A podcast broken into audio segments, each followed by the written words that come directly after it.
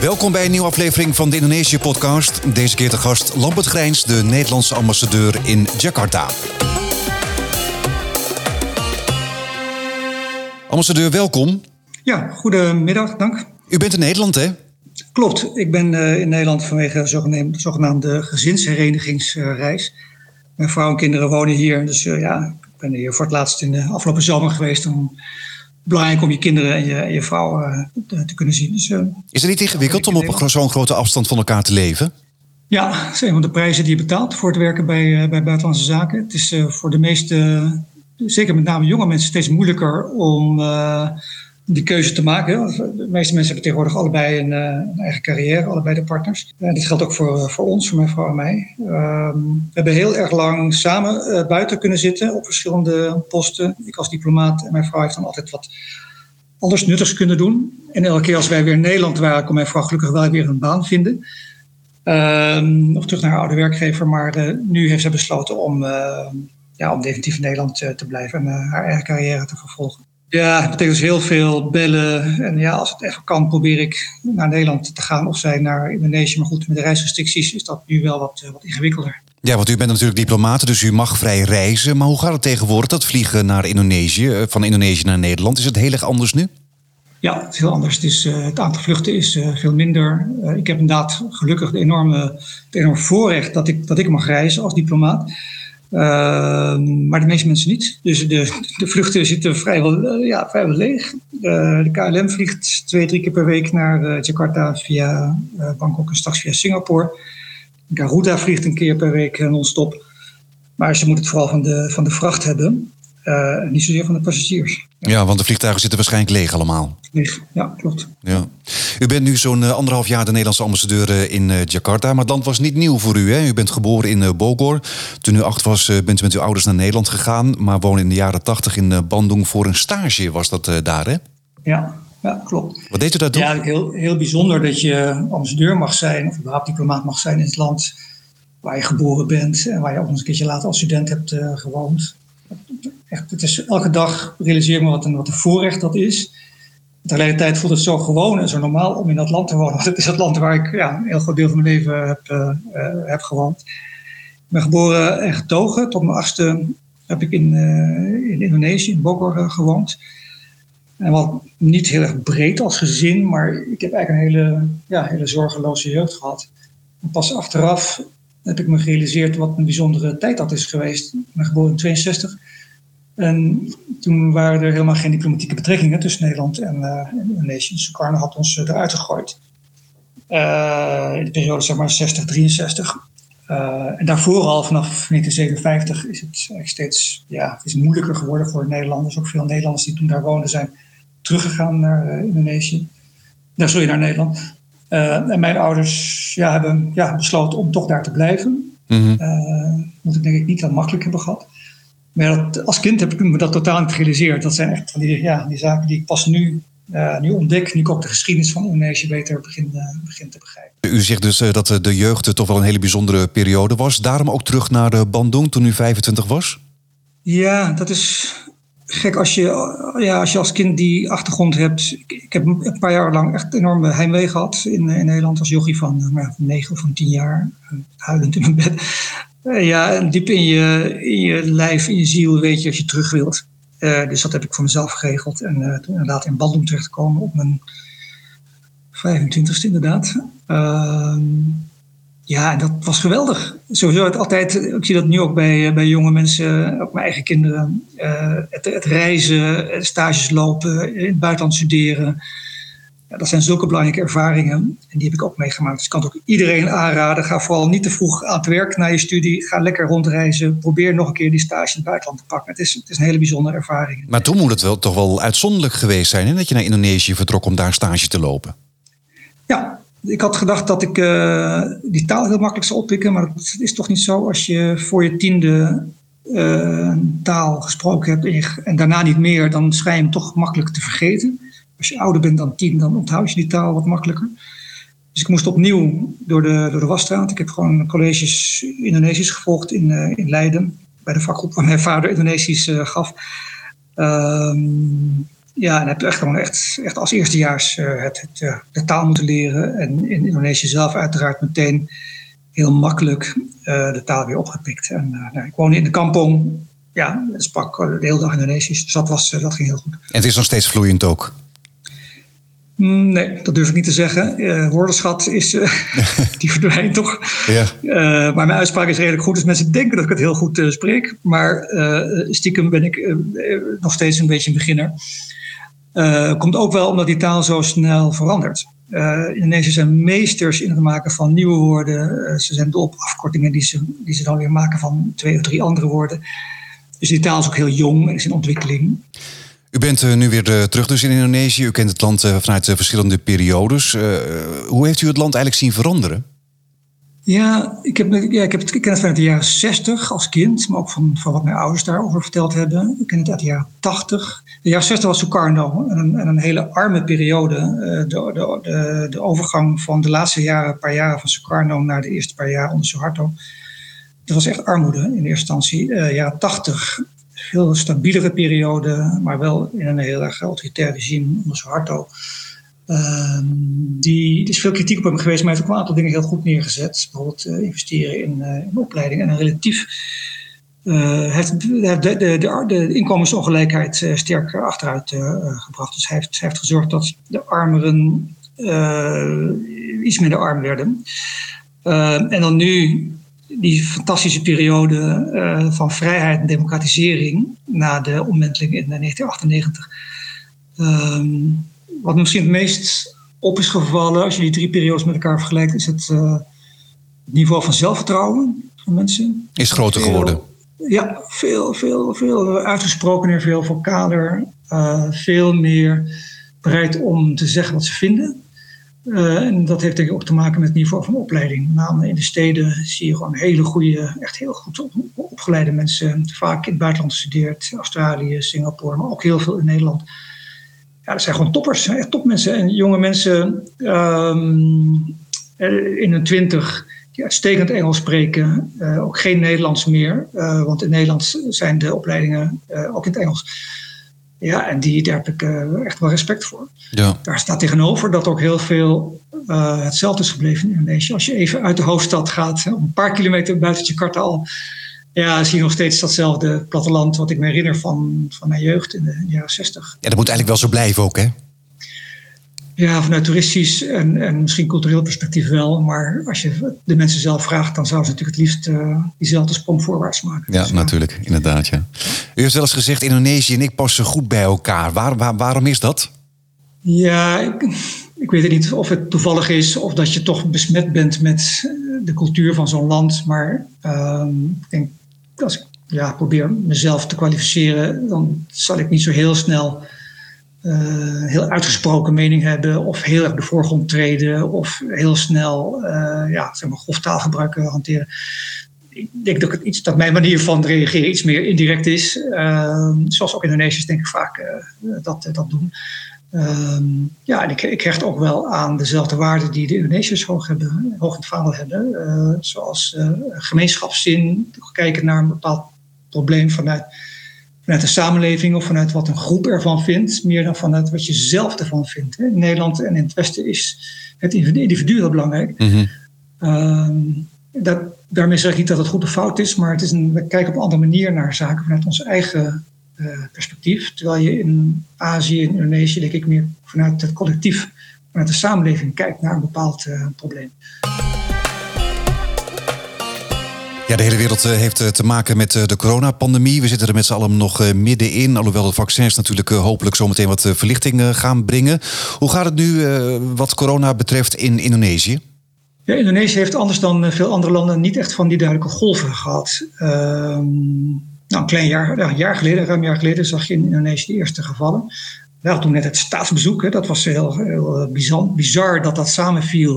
Het staatsbezoek vanuit uh, Nederland, koning koningin, vlak voordat in Indonesië de corona-epidemie uh, begon.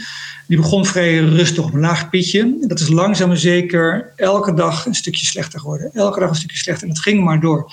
Had niet die golven die je in Nederland hebt gezien. Dus ook geen verbetering tussendoor. Er is ook heel weinig perspectief geweest, weinig optimisme. Dat betekent dat de samenleving daar eigenlijk al een jaar lang redelijk verkrampt is geweest. kijk maar naar de scholen, is er al een jaar lang dicht. Al een jaar lang hebben mensen hun kinderen niet naar school kunnen sturen mhm. in de grootste delen van het land. Ehm, ja, het, is, het gaat niet zo heel goed. Tegelijkertijd, als ik eerlijk ben, uh, het is een heel groot land, 270 miljoen mensen. Uh, als je kijkt naar de cijfers, dan zijn die veel minder dramatisch. Of de officiële cijfers heeft u dan over, hè? Ja, zo'n anderhalf miljoen uh, officiële besmettingen en bijna 40.000 doden als gevolg van corona. Ja, ja, klopt. Nou, natuurlijk is de eerste vraag, zijn dat dan wel de goede cijfers? moet je het niet met een factor 5 of 6 of misschien wel 10 vermenigvuldigen? Maar zelfs dan nog is het niet zo dramatisch als in nou ja, Brazilië, eh, de VS, eh, een aantal Europese landen. Nee, maar, maar, maar toch aan het begin hè, nam de regering het uh, niet zo serieus. was ook bang voor paniek, zo heeft president Jacobi ook toegegeven. De minister van Volksgezondheid heeft lang het volgehouden dat er geen coronabesmettingen in Indonesië waren, omdat er veel werd gebeden. Er werd nog heel veel geld uitgegeven aan influencers om toeristen naar Bali te lokken. Hoe heeft u daarnaar gekeken? Ja, met een zekere sceptisch natuurlijk. Wij, ja, liever gezegd, vooropgesteld, niemand heeft de wijsheid in pacht gehad op dat moment. Hè. We zaten allemaal als overleden te worstelen met de vraag hoe, hoe moeten we hierop reageren. Maar je zag dat in Indonesië er wel heel erg relaxed werd gereageerd op dat moment. Uh, en men was natuurlijk ontzettend bang voor de schade die een lockdown zou kunnen aanbrengen. Net zoals in andere landen, maar in Indonesië zijn relatief weinig mensen zeker van hun baan. Uh, dus weinig mensen zouden worden doorbetaald bij een lockdown. Nou ja, wat betekent het als je een economie zo hard afsluit, zoals ook in bijvoorbeeld India is uh, gebeurd in de eerste paar weken? Uh, ik denk wel dat de regering Indonesië bewust gekozen heeft voor het maar laten, nou ja, laten gebeuren. Mm en hopen dat het overwaait. Ehm, de economie heeft daar in eerste instantie wel eh, gewonnen ook. Ja, nou, de economie is, is nou ja, de economie heeft toen toch best wel overeind kunnen houden. Mede dankzij een grootschalig hulpprogramma vanuit de regering. Hebben ze, vind ik, goed gedaan. Uh, maar nu, na een jaar, ja, ze hebben toch een economische negatieve groei van 2%, ruim 2% over afgelopen jaar. Daar zijn ze wel van geschrokken. Voor Aziatische landen is dat niet gebruikelijk. Uh, ik, ik, ik, denk dat men, dat men heel erg heeft, uh, ja, met, het midden heeft willen kiezen tussen uh, enerzijds de, nou ja, de gezondheidsrisico's en anderzijds ja, de negatieve effecten voor de economie. Ja, wat, wat, wat ik begrijp is dat het leven over het algemeen ook redelijk normaal is doorgegaan. Hè? Er zijn wel enige lockdowns geweest in Jakarta, maar de restaurants, de kappers, alles is nog redelijk open. Ja, ik vind zelf dat men best wel wat gedaan heeft. Met name die scholen, die ik al noemde, dat vind ik echt wel vind een heel zwaar besluit.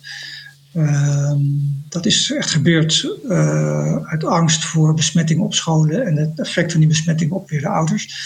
Um, restaurants zijn een tijdje dicht gegaan, maar ook weer open en weer dicht en weer open. Um, het is nu een beetje half-half. En omdat het zo half-half is, heeft het eigenlijk weinig effect uh, want ja, iedereen, nou, net zoals in Nederland, iedereen probeert toch zo goed en kwaad als het kan uh, ja, het oude leven voor te zetten. En dat gebeurt inderdaad daar ook. Ja. Wel is, ik woon aan een vrij drukke straat in, uh, in Jakarta. Wel zag je dat zeker nou, gedurende een half jaar het verkeer echt aanzienlijk minder druk was. Dus de, de, de, de files waar Jakarta onbekend stond, die waren er nauwelijks. nu, sinds een maand of nou ja, twee, drie, komen ze weer terug, merk ik. Dus ja. Maar, maar je kunt je ook afvragen of lockdowns natuurlijk in Indonesië überhaupt mogelijk zijn. Hè? Veel mensen bij elkaar in één huis, soms op één kamer zelfs. Veel mensen moeten ook naar buiten om het eten voor die dag te, te verdienen. Ja, ja, en je kunt je ook afvragen wat, uh, wat het effect ook op gezondheidsvlak daarvan is. Want als je mensen heel erg dwingt bij elkaar thuis te zitten met veel kinderen en, en het extended family vlak bij elkaar, ja, zou dat tot minder besmettingen leiden ik, ik, ik weet het niet. Um, ik denk dat belangrijker is dat uh, men in ieder geval een aantal zaken wel goed heeft opgepakt. Bijvoorbeeld de mondkapjesplicht wordt goed uh, of redelijk uh, nagevolgd. Men heeft flink geïnvesteerd in de capaciteit van ziekenhuizen. Dat was, heel, was goed nieuws. De, de, de, de IC-capaciteit is, is behoorlijk opgetuigd. En men is ook nu redelijk goed begonnen met vaccineren. Ja. Is er misschien ook, ook een cultuurverschil? Hè? Dat, dat, dat, dat Indonesiërs misschien veel meer gewend zijn om te leven met gevaren dan, uh, dan wij in het Westen. Het land heeft natuurlijk aardbevingen, aardverschuivingen, uh, tropische ziektes. Uh, een ja, verkeer waar je flink, waar je elke dag eigenlijk gevaar loopt. Ja, iemand in Nederland, een epidemioloog, die zei een paar weken geleden van als de COVID-epidemie in Nederland had plaatsgehad in de jaren 50, dan had niemand dat gemerkt. Mm -hmm. Toen ik dat hoorde, moest ik aan Indonesië denken. Uh, ja, het land heeft een hele jonge bevolking. Uh, ja, dood en ellende is wel onderdeel van die samenleving. Uh, ik, ik, verbaas me er, zelfs met mijn achtergrond in Indonesië nog wel vaak over hoe, hoe gelaten men bepaalde tegenslagen ondergaat. Of het nou om de, de banjiers in Jakarta uh, gaat, hè, de overstromingen waar mensen uiteindelijk toch ja, tot hun knieën of een middel in het water lopen in hun huis. Ja. Of dat iemand in de familie overlijdt. Ja, men zegt, nou ja, zo heeft het moeten zijn. En is dat misschien met corona dan nu ook niet zo? Dat het... ja, ja, ja, dat is echt dat is heel gelaten. En ik, ik, nou, ik, als Nederlander maak je daar een beetje boos over. Denk van, kom op jongens, je kunt er ook wat aan doen. Hè? Je, kunt het, je kunt het voorkomen. Of, mm -hmm. kijk, doe nou ook wat met, je, met, die, met, met die gedragsregels. Dat mondkapje is niet voor niks. En hou dan afstand. Ja, dat is de Nederlandse manier om te reageren. En in Indonesië um, ja, kijkt men daar toch op een andere manier naar. En, en, daar accepteert men, denk ik, misschien makkelijker dan we dat nu in Nederland doen. Het cultuurverschil. Dat, er, um, nou, dat je tegenslag hebt. En ik vond het wel een interessant debat. Um, zijn wij in Nederland nog wel gewend uh, aan, ja, aan tegenslag? Uh, u weet wel wat het is om om te gaan met. Uh, ja, met, uh, met, met moeilijkheden. Ja, het Westen wil natuurlijk ook elke onveiligheid uitsluiten. En daar is Indonesië ja. misschien wat minder mee bezig natuurlijk ook. Ja, ja precies. Ja, ja. U zei het al, er zijn ook uh, wel uh, hulpprogramma's voor, ja, voor bedrijven en mensen in Indonesië. Nu was het het land ook gelukt juist om de middenklasse te laten groeien. Steeds meer mensen van onder die armoedegrens vandaan te halen. Is dat nu door de coronacrisis toch weer een beetje terug naar af? Ja, het land heeft een uh, economische groei van uh, negatieve groei van 2%, ruim 2% gezien uh, vorig jaar. Ja, het is gewoon, dat is, dat is natuurlijk slecht nieuws. Dat is slecht nieuws voor, voor, voor het hele land. Ehm, nou, degene die daar de prijs van betalen zijn denk ik de middenklasse en de, de, de, de, laagste klasse, de, de mensen die in de informele sector werken. in het algemeen denk ik dat de grotere bedrijven voldoende zeg maar, vlees op het bot hebben gehad, voldoende vet hebben gehad om die periode van het jaar te overleven. Uh, de regering heeft uh, in april vorig jaar een vrij grootschalig uh, hulpprogramma opgezet voor armere mensen. Dat kon ook, want Indonesië heeft een relatief lage schuld. en heeft die nog steeds. Dus men, is, ja, men heeft toen geval een redelijk groot bedrag op de kapitaalmarkt geleend om dat, om dat ondersteuningsprogramma op, op touw te zetten. -hmm.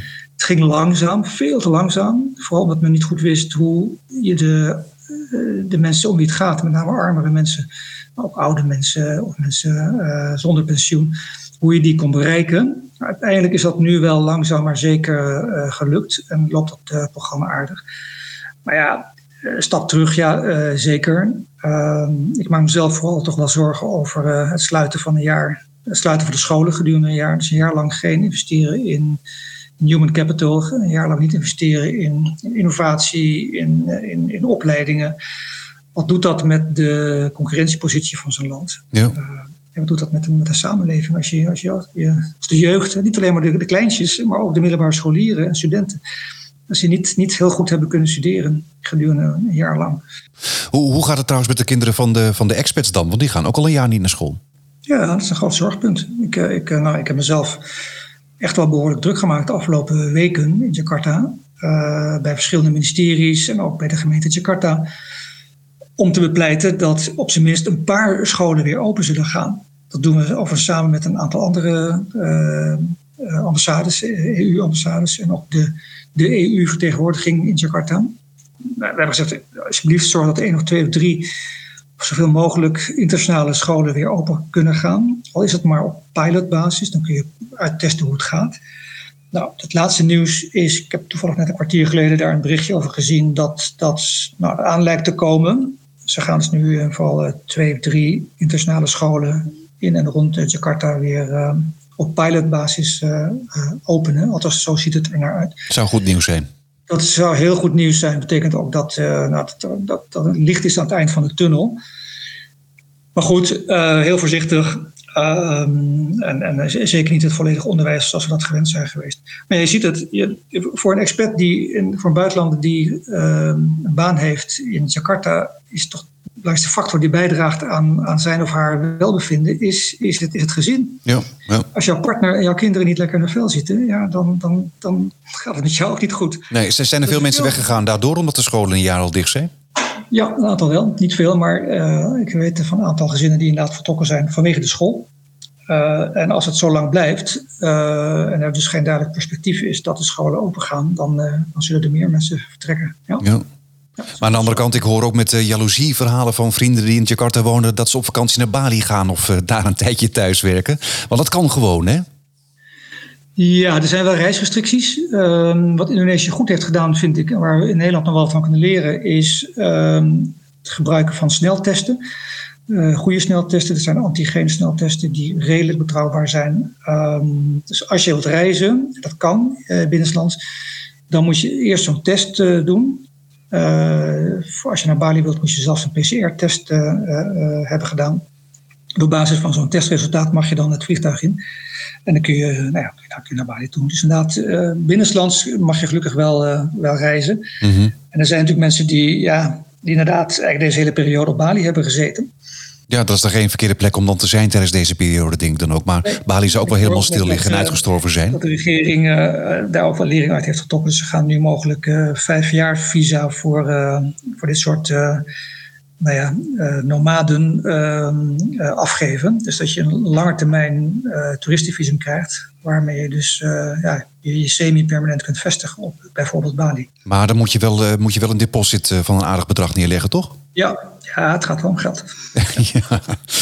Maar, maar Indonesië zit nog wel op slot voor buitenlanders. Dus vanuit Nederland uh, kan je daar nog niet heen. Je kan er alleen in als je een verblijfsvergunning uh, hebt. Um, nu uh, is er een bericht van Bloomberg. En daarin wordt gezegd dat Indonesië overweegt om Bali deels vanaf juni weer te openen. Ja, ze zijn ontzettend hard bezig om Bali weer te heropenen. En het is jammer dat het elke keer moet worden uitgesteld. Want men is gewoon nog niet zo ver. Ook nu nog niet. Uh, we zitten nu half maart. Ik heb een week of twee geleden een gesprek gehad met de minister van Toerisme. Uh, Nederland is een van de grote leveranciers van toeristen richting uh, Bali. dus ze zijn ook echt geïnteresseerd in de Nederlandse positie. hij vertelde mij dat ze proberen om in ieder geval in bepaalde delen van Bali, waar veel grote resorts zitten of waar toeristen geconcentreerd zitten, om daar met name het toerisme weer mogelijk te maken. Ja, het zou gaan om Ubud, Sanur en Nusa Dua. Ja, ja, dat zijn, uh, nou ja, dat zijn de, inderdaad de, de, gebieden waar veel toeristen komen. Uh, waar je ook denk ik goed kunt controleren wat er gebeurt. Want ze willen uh, zorgen dat de hotels die daar zitten zich aan bepaalde maatregelen uh, houden. Denk bijvoorbeeld aan nou ja, afstand houden, niet met z'n allen tegelijk ontbijten, nou, dat soort zaken. Dus die hotels moeten aan bepaalde criteria voldoen, mogen ze opengaan. Ehm, ze zijn bezig met een vrij intensieve inentingscampagne in de, in horeca, hotels, hotelpersoneel, iedereen aan de balie. Hè. Dat zijn mensen die allemaal gevaccineerd gaan worden. Ja, en ze hopen natuurlijk ook dat de mensen die komen, dat die uh, ook, ook gevaccineerd zijn. Ja, want ze willen dan openstellen voor landen inderdaad die al ver zijn met het vaccinatieprogramma. En ook speciale charters laten vliegen, zodat ze dat ook enigszins kunnen controleren. Zou het dan eventueel mogelijk zijn dat we vanaf juni, juli met een speciale charter naar Bali op vakantie kunnen?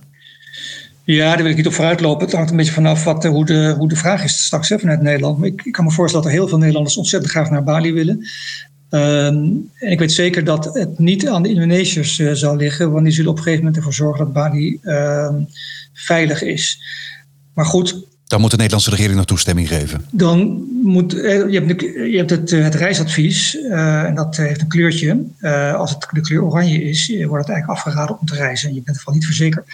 Nou, voordat dat reisadvies is aangepast, uh, we zullen echt even moeten kijken hoe de situatie is. Uh, het is gewoon te vroeg om daarop uh, vooruit te lopen. Maar er zit, hoe dan ook, er zit wel schot in. En dat is al heel goed nieuws. Ja, er wordt in ieder geval over gesproken om dat weer ja. mogelijk te maken. Ja. ja. Um, Indonesië heeft als eerste land ook een vaccinatieplicht ingevoerd. Veel Nederlanders in Indonesië die vragen zich ook af wanneer en hoe zij worden gevaccineerd. Of ze in Indonesië mee worden genomen of dat ze naar Nederland moeten. Um, hoe gaat dat voor de experts? Ja, Indonesië pakt het op een iets andere manier aan dan in Nederland. Uh, de overeenkomst zit hem erin dat de, in de eerste golf alle gezondheidswerkers zijn meegenomen. Nou, daar is men in Indonesië nu klaar mee. De tweede golf, uh, de tweede doelgroep, dat, zijn, dat is de publieke sector. Dat zijn nou, militaire, politie, maar bijvoorbeeld ook uh, leerkrachten, docenten, in het, het hoger onderwijs, het lager onderwijs. marktkooplui, dus plekken waar, waar veel mensen samenkomen. Dus die krijgen op dit moment uh, hun vaccin. Um, en daarna komt een veel bredere groep uh, kwetsbare mensen en, uh, nou, en de, gewoon de, de, brede bevolking. Buitenlanders worden een beetje ad hoc meegenomen. Wat wij als, als Nederland bepleiten is dat alle Nederlanders die in Indonesië wonen gewoon een vaccin krijgen en mee kunnen draaien met het systeem zoals dat bestaat in Indonesië. Net ja. zoals wij dat in Nederland aanbieden aan Indonesiërs. Het is, ja, we noemen dat de reciprociteit. Dus wat wij aanbieden aan Indonesië, verwachten we ook van uh, uh, Indonesië in die zin wat, dat ze dat aan ons aanbieden. Maar daar zit natuurlijk misschien nog een probleem, want Indonesië gebruikt vooral het Chinese vaccin Sinovac, wat nog niet goedgekeurd is door de EMA. Ja, klopt. Dus als overheid zeggen wij, nou goed, wij wachten op EMA-goedkeuring. Maar eh, als een Nederlander daar een Sinovac-vaccin kan krijgen, zou ik zeggen, uh, doe dat vooral. Want het beschermt waarschijnlijk ook. Het is alleen nog geen officiële goedkeuring vanuit de WHO of de EMA binnengekomen. Ja, maar, maar voelt Indonesië daarvoor om zeg maar, de Nederlanders mee te laten draaien in het lokale vaccinprogramma? Ik denk wel dat het gaat gebeuren. Alleen ze, uh, ze hebben nog niet de, de uiteindelijke toezeggingen gegeven dat het voor alle burgers, uh, alle buitenlanders uh, geldt. We doen dit overigens in EU-verband, want we vinden dat gewoon de, de, hele EU biedt dit, ehm, dit vaccinatieprogramma aan, aan in de EU woonachtige buitenlanders. Dus wij verwachten van, van de landen die deze behandelingen in de EU krijgen natuurlijk hetzelfde. Uh, ze hebben nu in Indonesië aangeboden dat mensen die bij een NGO werken uh, en die uh, als diplomaat werken wel zo'n vaccin kunnen krijgen. Nou ja, daar nemen wij geen genoegen mee. Wij vinden dat iedereen, elke Nederlander die daar woont, dat vaccin moet krijgen. Daarnaast speelt nog het private sectorprogramma. Daar is Indonesië wel redelijk uniek in. Ehm, men wil eigenlijk bedrijven, grote bedrijven aanmoedigen om zelf de markt eh, vaccins op te kopen. En daarmee hun eigen personeel eh, te, eh, te, vaccineren. Gaan ze daarmee niet concurreren met de rest van de wereld als bedrijven zelf mogen inkopen? Ja, ja. Indonesië heeft gezegd: je mag niet concurreren met ons als overheid. Hè, dus, je, je moet, dus dat moet wel afgestemd zijn met het vaccinatieprogramma van de overheid. Om te voorkomen dat bedrijven geld, met veel geld de vaccins wegtrekken die de overheid zelf nodig heeft. Maar wat er aan surplus bestaat op de markt, uh, naast wat de Indonesische overheid nodig heeft, uh, kan, kan door, uh, door bedrijven worden aangekocht. Ja, dus, dus experts die bij een groot bedrijf in Indonesië werken, die hebben dan een grote kans dat ze het vaccin via hun bedrijf krijgen. Ja, ja en ik hoor inmiddels dat ook andere buitenlanders uh, die niet per se bij grote bedrijven werken, maar bijvoorbeeld bij onderwijsinstellingen, bij universiteiten, dat die inmiddels ook langzaam maar zeker vaccins krijgen. Dus er, er zijn voorbeelden waar, die, waar bekend waar buitenlanders vaccins krijgen. Maar waar, waar wij als ambassade op aandringen is gewoon een toezegging. Iedere Nederlander krijgt uh, het vaccin net zoals iedere Indonesiër in Nederland dat vaccin krijgt. Ja. Maar is het eerlijk dat uh, bedrijven zelf uh, vaccins mogen kopen op, ja, op de markt en om hun werknemers zo'n vaccin te geven? Want de rest moet gewoon wachten natuurlijk. Ik denk dat het vooral pragmatisch is. wat Indonesië doet is proberen snelheid in het programma aan te brengen. En alles wat ze kunnen doen om te zorgen dat mensen snel een vaccin krijgen is welkom. Uh, is het eerlijk, de mensen met geld die gaan hier dus uh, gaan voor. Hè? Dat is uh, een bedrijf dat zich kan permitteren om op de wereldmarkt vaccins te kopen. heeft een streepje voor.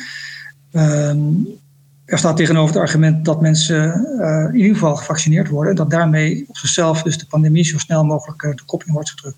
Dus ja, het zijn twee argumenten die tegenover elkaar staan. En de Indonesische overheid heeft uh, ervoor gekozen deze route te kiezen. Ja, het is ook wel enigszins een beetje Indonesisch. Hè? Als je meer geld hebt, dan zijn er meer mogelijkheden. Ja, nou, in veel landen van de wereld geldt het zo, maar zeker in Indonesië. Ja. ja. Indonesië heeft als eerste land een vaccinatieplicht ingevoerd. Begrijpt u dat, dat er een plicht is? Er is heel veel... Ehm, wantrouwen en onwetendheid over vaccins. dus mensen uh, zien het als een hoax. Uh, ze denken dat je er uh, allemaal dingen van krijgt. Er is een relatief laag opleidingsniveau in, in Indonesië. Men heeft relatief weinig toegang tot, tot feitelijke, betrouwbare kennis. Dus ik snap wel dat, uh, dat ook veel wantrouwen bestaat. En ik snap dus ook wel dat de regering, dat de overheid zegt, ja hoor um, daar moeten we doorheen breken door dat wantrouwen. Nou, in Nederland denk ik niet zo snel dat wij dat via een plicht zouden oplossen. Uh, in Indonesië wel. Um, ja, nogmaals, men is gewoon heel erg op, uh, op, opgebrand om zo snel mogelijk die, uh, die epidemie omlaag te krijgen. ja, en, en zoals ik helemaal aan het begin zei, die samenleving die, die redeneert vanuit een collectieve verantwoordelijkheid. Veel minder vanuit het individuele belang. Mm Dus als je het zo bekijkt, is zo'n plicht minder gek dan dat je dat in Nederland vanuit je eigen individuele mensenrecht zou beoordelen. Ja. Ja, ik zeg niet dat het beter of slechter is, maar het is een andere manier om er naar te kijken. Ja. Indonesië gebruikt dus inderdaad vooral het Chinese vaccin Sinovac. Die uh, zijn ook in Indonesië getest en de vaccins worden ook uh, lokaal uh, gemaakt. Heeft dat ook China en Indonesië dichter bij elkaar gebracht? Doet China hier een beetje aan vaccindiplomatie? Ik denk dat je dit vaccindiplomatie kan noemen. Ik vind het heel, ja, het is gewoon zonder meer heel, heel handig, heel slim geweest van China om dit in zo'n vroeg stadium aan te bieden. Het is ook heel welkom, laten we wel wezen. Ehm, Indonesië heeft, nou, ik ben sinds begonnen, geloof half januari, heeft van de eerste paar maanden kunnen vaccineren op vrij grote schaal. Ze zitten nu tegen de 6 miljoen eh, vaccins aan. Uh, uh, dankzij, dankzij dit Chinese vaccin.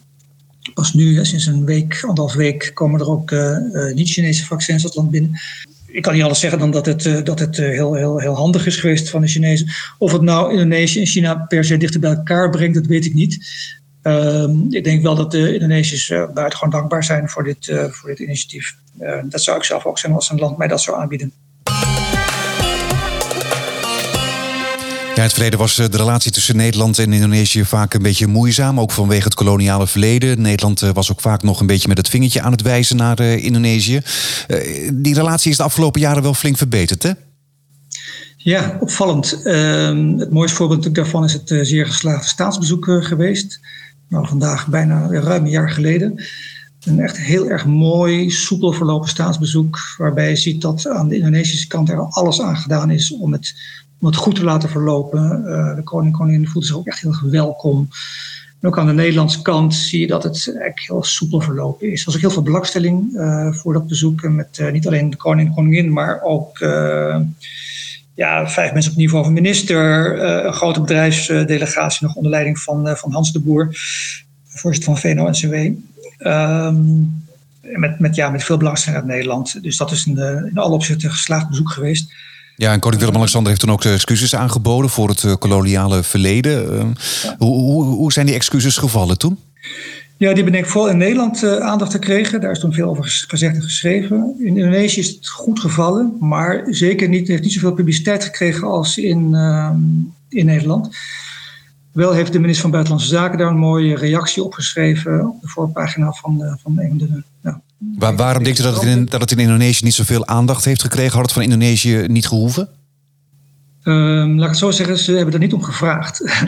Maar dat zullen ze, zullen ze nooit, nooit doen uh, aan, de, aan de voormalige koloniale overheerser. Uh, het is niet onopgemerkt, onopgemerkt gebleven. Met andere woorden, Indonesië waardeert dat buitengewoon. Um, de koning heeft het ook op een hele waardige en natuurlijke manier gebracht. Het, de, de timing was goed.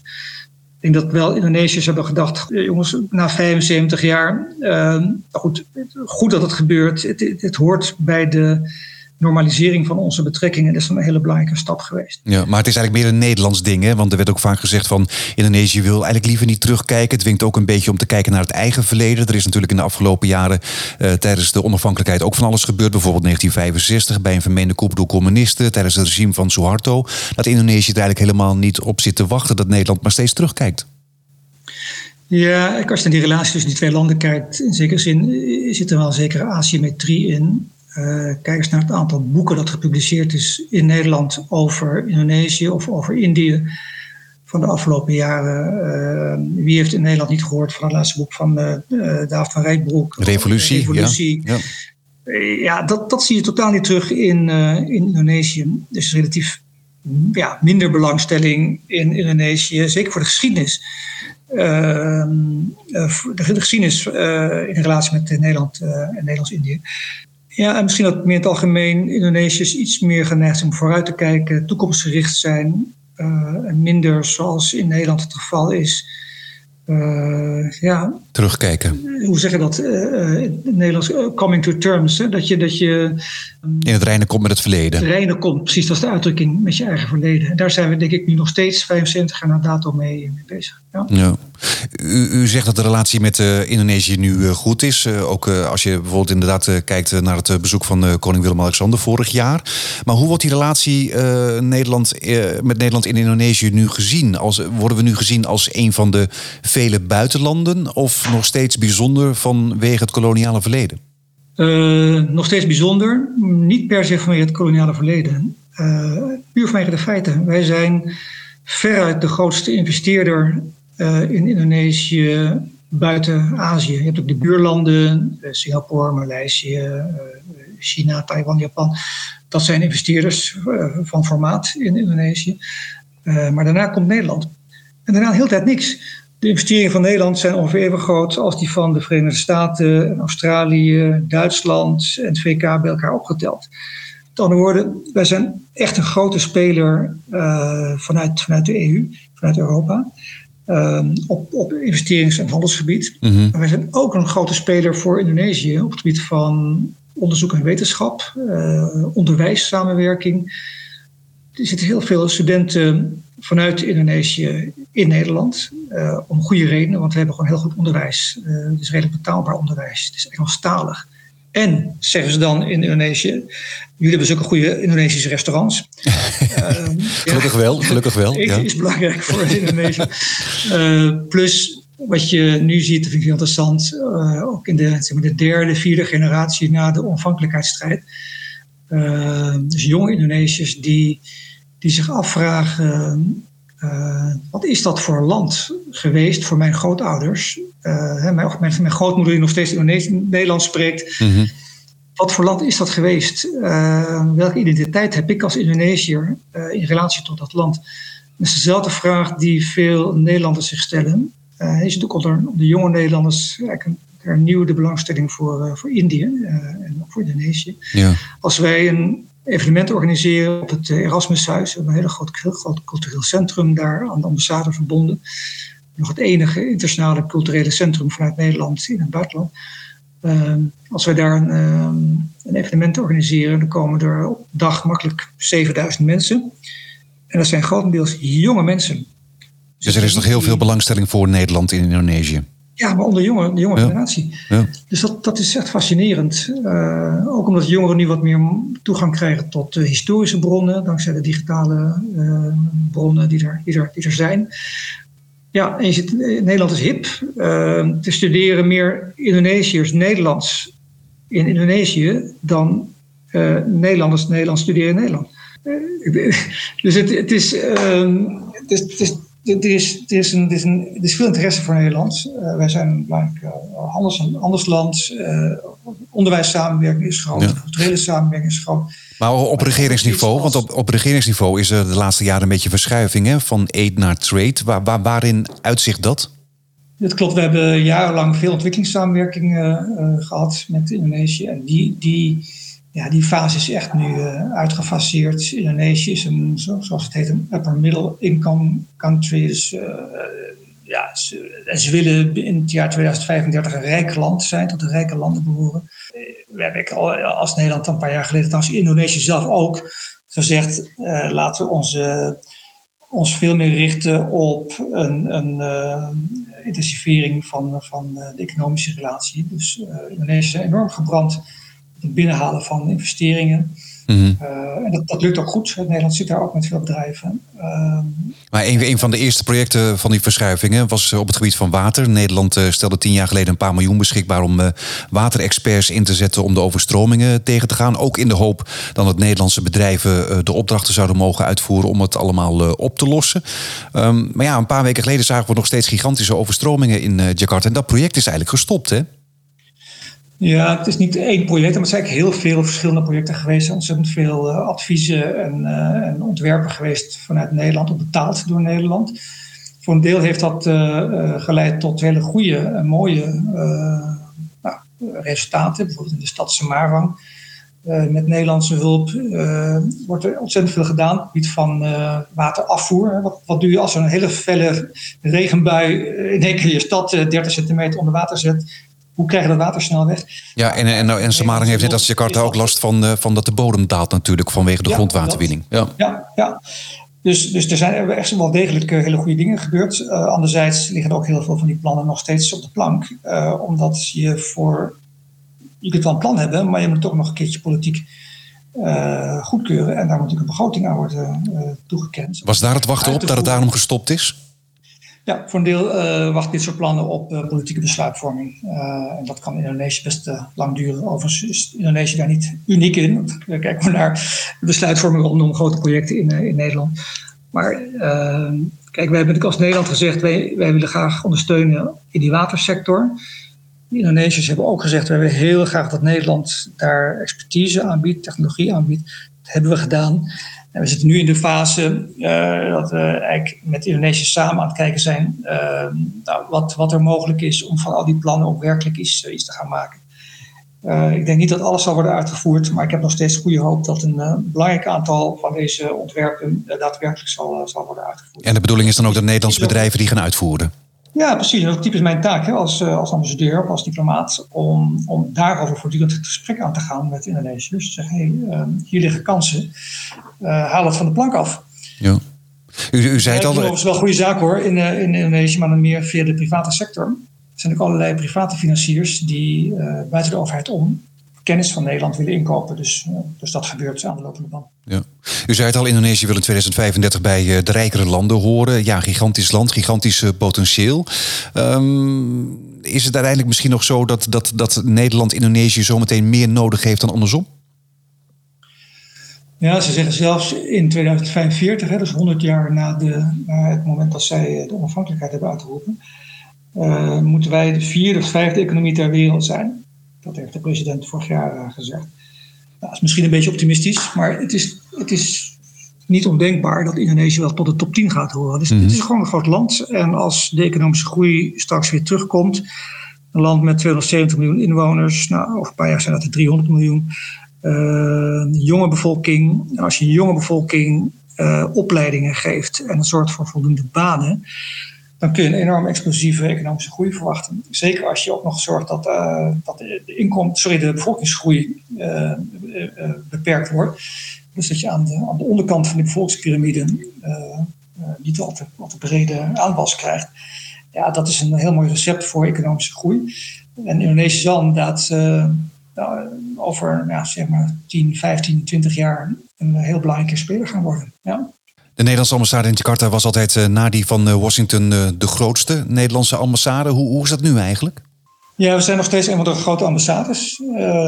tegelijkertijd mag ik hopen dat we niet meer de grootste zijn van landen als China en zeker ook India. Hè. We hebben in Nederland relatief weinig aandacht voor India, maar echt een land in, opkomst. die, zijn, die zijn nog economisch gezien nog veel belangrijker voor Nederland. Maar goed, vanwege die historische relatie, die bijzondere relatie die we met Indonesië hebben, de enorme aandacht die Indonesië heeft voor Nederland, uh, de sterke onderwijssamenwerking, het culturele centrum wat we hebben daar, uh, is die ambassade ja, niet voor niks heel groot. We werken met, met, met, man, en, met man en vrouw, moet ik zeggen, met man en macht.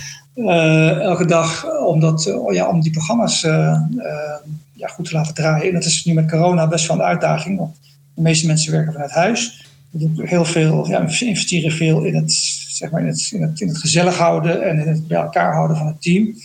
Uh, op vrijdag is een fitness. Vanochtend was een fitnessochtend uh, uh, digitaal. Woensdag uh, heel veel mensen mee aan de yoga. de pubquiz gehad gisterochtend. Dus je ziet dat we op alle mogelijke manieren die, dat team ook proberen aan het werk te houden. En niet alleen maar functioneel, maar ook, ook in, in teamverband. Dus de, de, gezelligheid en de motivatie blijven wel heel belangrijke factoren waar we naar kijken. Ja, wanneer gaat u weer naar Jakarta? Over een week of drie. Over een week of drie, oké. Ja. Ambassadeur Lambert Grijnsen, dank u wel. Tot zover deze aflevering van de Indonesië podcast. Wil je ook een podcast voor je bedrijf of organisatie? Kijk dan naar de mogelijkheden op edwinmooibroek.com. Tot de volgende.